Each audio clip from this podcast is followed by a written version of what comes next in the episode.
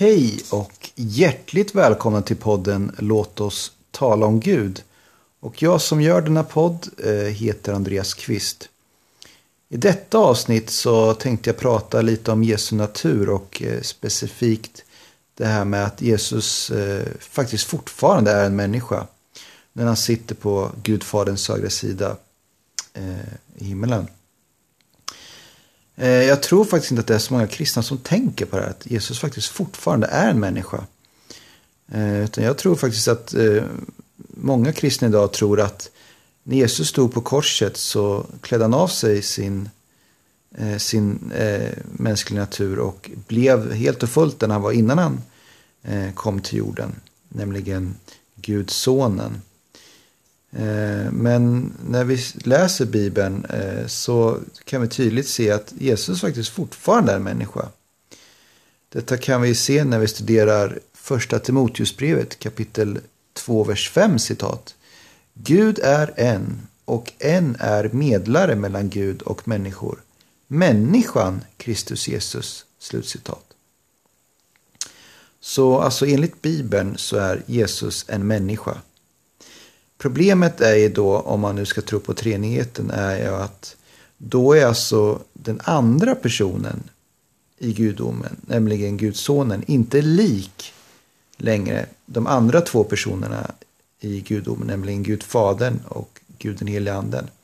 Eftersom att vi vet ju att eh, gudfadern inte är en människa och inte heller guden helige Anden. Eh, så då har ju Gud förändrats eftersom att eh, enligt treenighetsläran eh, så, så är, består ju Gud av tre distinkta personer. Alltså Gud Fadern, Gud Sonen och Gud den helige Anden. Och de här tre personerna är precis lika varandra. Så um, Gud Fadern är inte mer eller mindre Gud än, än någon annan person i, i gudomen. Och det är alltså tre distinkta personer. Så de Eh, så Gud Fadern är inte Gud Sonen eller Gud den helige Anden utan de är helt enkelt tre personer som, som kan kommunicera med varandra och ha en relation med varandra.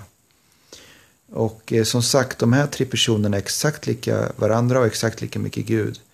Men om nu helt plötsligt efter, eh, efter himmelsfärden här, efter att den andra personen nu har varit på, på jorden och eh, och nu när han kommer tillbaka till himmelen har förändrats och är alltså en människa, vilket han inte var innan han eh, kom till jorden, så har en, eh, då har en förändring skett i gudomen.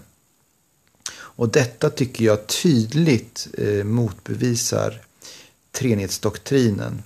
Eftersom att Gud kan inte förändras. Och i treenigheten så är de här personerna precis lika varandra. Eh, men det är de ju då inte eftersom att den andra personen i gudomen, nämligen eh, Gudsonen, då är människa.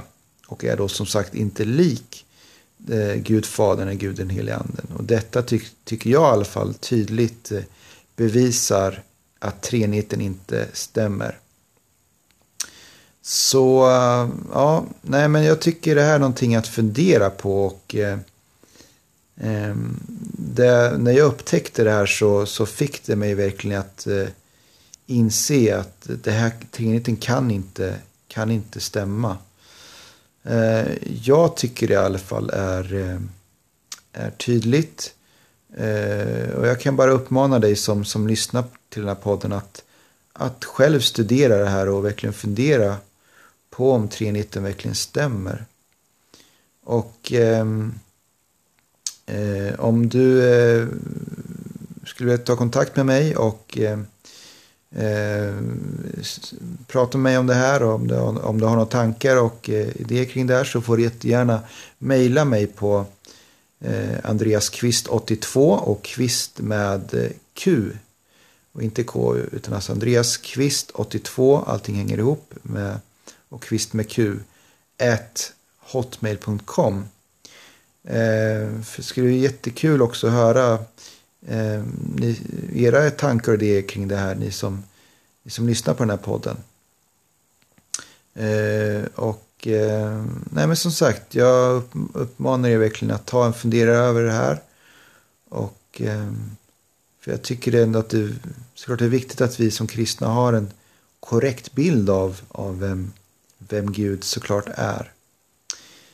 Eh, med detta tackar jag för mig. Det har varit en väldigt kort podd men eh, eh, jag ville bara dela med mig av det här för jag tycker det är väldigt intressant just den här tanken kring att Jesus som, som sagt faktiskt fortfarande är en människa. Ehm, eh, med detta tackar jag för mig och jag önskar er alla Guds välsignelser. Hej då.